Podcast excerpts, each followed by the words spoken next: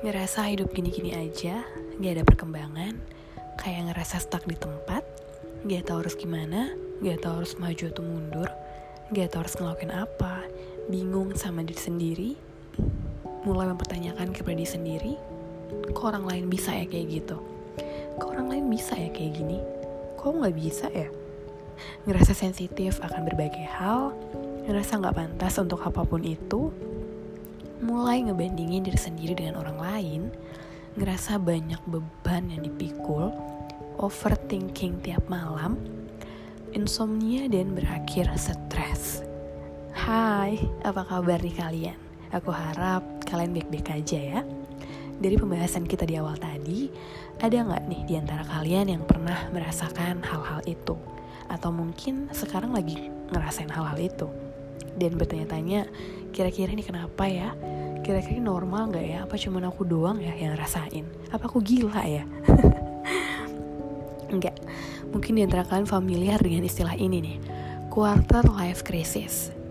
Nah, hari ini Podshare episode kedua akan kita bahas mengenai quarter life crisis sesuai dengan requestan kalian. Singkat saja nih, quarter life crisis adalah fase dalam kehidupan seseorang menuju versi dirinya sendiri yang lebih dewasa. Dan ini ternyata wajar loh guys. 86% generasi milenial mengaku pernah merasakan hal-hal yang tadi kita bahas di awal ngerasa tertekan dan takut yang berlebihan yang sebenarnya tuh belum tentu terjadi loh. Entah itu dalam segi keuangan, hubungan, atau mungkin pekerjaan. Dalam fase ini juga, kita mulai mempertanyakan tujuan hidup kita ke mana. Circle pertemanan pun semakin mengecil. Ada yang ngerasa nggak? Kalau aku sih ngerasa banget, banget, banget. Mungkin ya ada yang sibuk dengan kerjaannya mereka, merintih karir, ada yang sibuk karena ngurus rumah tangga, ada yang sibuk untuk mengurus persiapan pernikahan, dan mungkin juga ada yang lanjut untuk S2, lanjut studi, lanjut pendidikannya mereka. Kita nggak tahu sih, banyak hal. Penyebabnya berbagai dan bisa dari banyak hal nih. Kenapa kita bisa ngerasain quarter life crisis ini? Salah satu hal yang berpengaruh adalah lingkungan sekitar yang mendorong kita untuk terus memikirkan hal-hal ini, hal-hal dalam hidup. Sampai akhirnya kita gelisah, overthinking, dan jadinya tuh jatuhnya tertekan. Contohnya tuh pertanyaan-pertanyaan nih. Pertanyaan-pertanyaan yang aku yakin banget banyak di antara kalian yang sering dihujani pertanyaan-pertanyaan kayak gini. Contoh, kapan kamu nikah iya ngeliat uh, apa namanya circle pertemanan ngeliat teman satu angkatan teman kerjaan teman sekantor. Udah pada nikah udah pada punya anak dan kamu belum berada di fase itu. Dan kemudian kamu ditanya terus menerus kapan nikah? Uh, kapan wisuda? Skripsimu kayak gimana kamu kok umur segini masih kayak gini-gini aja sih? Kok kayak nggak ada perkembangan sih? Kayak gitu. Ya gimana ya? Sebenarnya wajar kalau mereka mempertanyakan hal-hal itu. Tapi kembali lagi gak semua orang bisa menerima pertanyaan itu dengan bijak. I mean like gak semua orang bisa uh, menerima pertanyaan itu dengan santai. Ada yang pembawaannya memang santai dan gak mikirin hal-hal kayak gitu. Tapi ada juga yang kepikiran banget loh sampai stres sampai kayak iya ya aku udah umur segini nih kok aku belum ada apa-apa ya? Kayak gitu. Aku harus kayak gimana? Ujung-ujungnya tuh panik ada yang kayak gitu. Tapi tenang uh, fase ini tuh hanya sementara. Kamu mungkin memang akan merasakan banyak banget hal-hal yang bikin kamu tuh sampai mumet stres, frustasi maybe dan lain-lain. Mungkin juga ada yang ngerasa happy, free, confused at the same time, kayak katanya Mbak Taylor Swift. Tapi semua hal itu berangsur-angsur akan hilang kok seiring berjalannya waktu. Karena percaya deh, kamu gak sendirian ngerasain hal ini. Gak cuma kamu kok yang ngerasain. Orang lain pun juga pernah atau per, atau ngerasain hal yang sama. Cuman beda yang tadi kayak aku bilang, ada yang bisa mengungkapkannya ada yang bisa sharing ada juga yang cuman mendem dalam hati.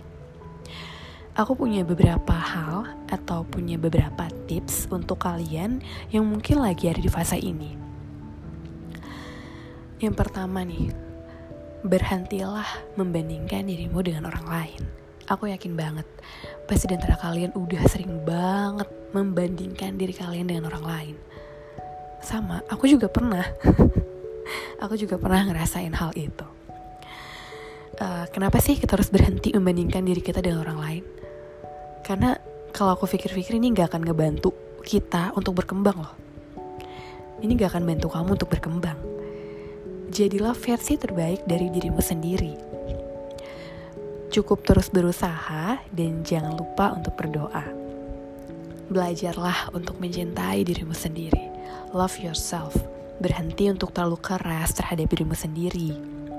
Don't push too hard Lakukanlah semua hal sesuai dengan kemampuanmu ya. Jangan terlalu dipaksa. Manjakan dirimu, take your time, lakukan hal-hal yang membuat dirimu bahagia tentunya dalam hal positif ya. Kemudian kamu juga bisa cari support system nih. Buat kita nih yang lagi ada dan ngerasain ada di fase ini, mungkin support system itu bisa jadi salah satu alternatif ya untuk kita kalau lagi ngerasa down, ngerasa nggak baik-baik aja, ngerasa lagi butuh seseorang buat cerita nih, itu bisa bisa untuk meredakan dan meringankan beban yang sedang kamu pikul setidaknya untuk sementara. Kamu bisa sharing masalahmu ke orang-orang terdekatmu yang kamu percaya. Kemudian, ini penting nih, hilangkan toxic relationship belajar untuk pelan-pelan melepaskan dan menjauh dari circle atau hubungan yang toksik di dalam kehidupan kamu. Selain itu wasting your time, itu juga nggak bawa pengaruh baik di dalam perubahanmu menjadi lebih baik loh guys. Mulailah hubungan dengan orang yang mau mendengarkan dan memberikan advice yang baik untuk kamu dan hidupmu nanti. Terus, uh, kamu pernah nggak ngebayangin atau punya rencana ke depannya kamu pengen kayak gimana? Pasti punya dong. Nah, coba deh kamu tulis atau buat note satu persatu keinginanmu atau kemauanmu ke depannya kayak gimana.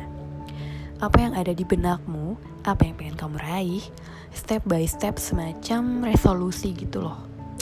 Kayak misalnya tahun 2022 ini aku pengen uh, naik haji misalnya untuk yang beragama muslim. Tahun depannya aku pengen lanjut study mungkin semacam seperti itu.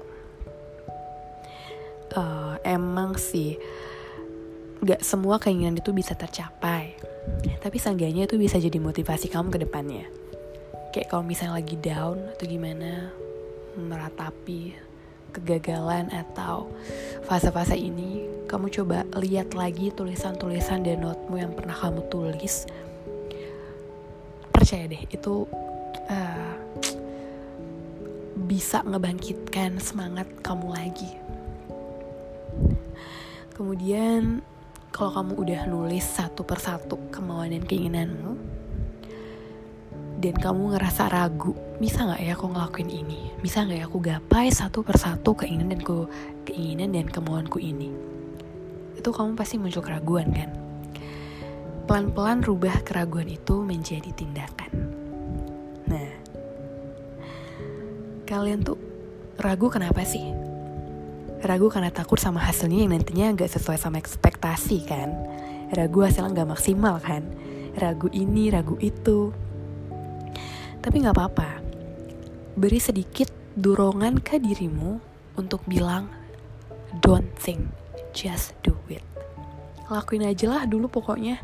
Urusan gagal atau berhasil itu belakangan. Yang penting kamu udah berusaha semaksimal mungkin dan kamu udah uh, keluarkan semua effort yang kamu punya nih untuk ngelakuin hal itu. Dan yang terakhir kalau kamu udah ngelakuin itu dan memang hasilnya nggak sesuai dengan apa yang kamu inginkan, belajar untuk dapat menerima kegagalan. Susah memang untuk dapat menerima suatu hal yang sudah kita usahakan semaksimal mungkin, sudah kita effort semaksimal mungkin, tapi ternyata hasilnya kurang memuaskan. Tapi jangan buat hal itu sebagai hambatan dan alasan kamu untuk berhenti. Ya aku tahu kok rasanya gimana gagal pas kita lagi pengen atau kita lagi memaksimalkan sesuatu yang kita pengenin banget. Tapi ternyata hasilnya tuh gak sesuai. Tapi tarik sisi baiknya, lihat sisi positifnya dan jadikan pelajaran untuk jadi lebih baik. Jadi di saat suatu saat kamu ingin mencobanya lagi, kamu tahu kamu harus ngelakuin apa. Apa yang harus kamu rubah, apa yang harus kamu lakuin. Kemudian karena yang aku tahu tuh pengalaman dan kegagalan itu adalah guru paling berharga. Jadi dari pembahasan kita kali ini tentang quarter life crisis intinya jangan ngerasa kalau kalian itu sendiri yang ngerasain kayak gini semua orang pernah berada di fase ini kok semua orang aku dia kamu kalian kita semua pernah merasakannya saat ini pun mungkin masih berada di fase itu tapi jangan takut karena itu cuma sementara. Selagi kalian masih mau terus mencoba dan gak stuck di tempat. Percaya deh, semua akan indah pada waktunya. Tinggal nunggu waktu aja. Ya gak tahu kapan. Cuman kalau kita terus bersabar dan mencoba yang terbaik, itu semua akan terjawab nantinya. Ya, uh, guys, cukup untuk pembahasan kita malam ini tentang quarter life crisis. Terima kasih banyak karena sudah mau menunggu untuk episode kedua ini yang sekian lamanya dari episode pertama tentang toxic relationship. Kemudian kita lanjut tentang quarter life crisis ini. Terima kasih banyak untuk kalian karena udah support aku. Uh, mungkin next lanjut pembahasannya. Kita akan bahas nanti kita mau bahas apa ya. Kalian bisa DM aku. Apa pun itu tentang pembahasan yang lagi trending topik sekarang mungkin. Atau kalian pengen aku nggak bahas apa silahkan nge DM aja sesuai requestan kalian. Uh, semoga aku bisa ngejawabnya bisa bikin podcast untuk next episode kita tunggu aja so Thank you for staying with me. And then see you on next episode. See you when I see you. Bye.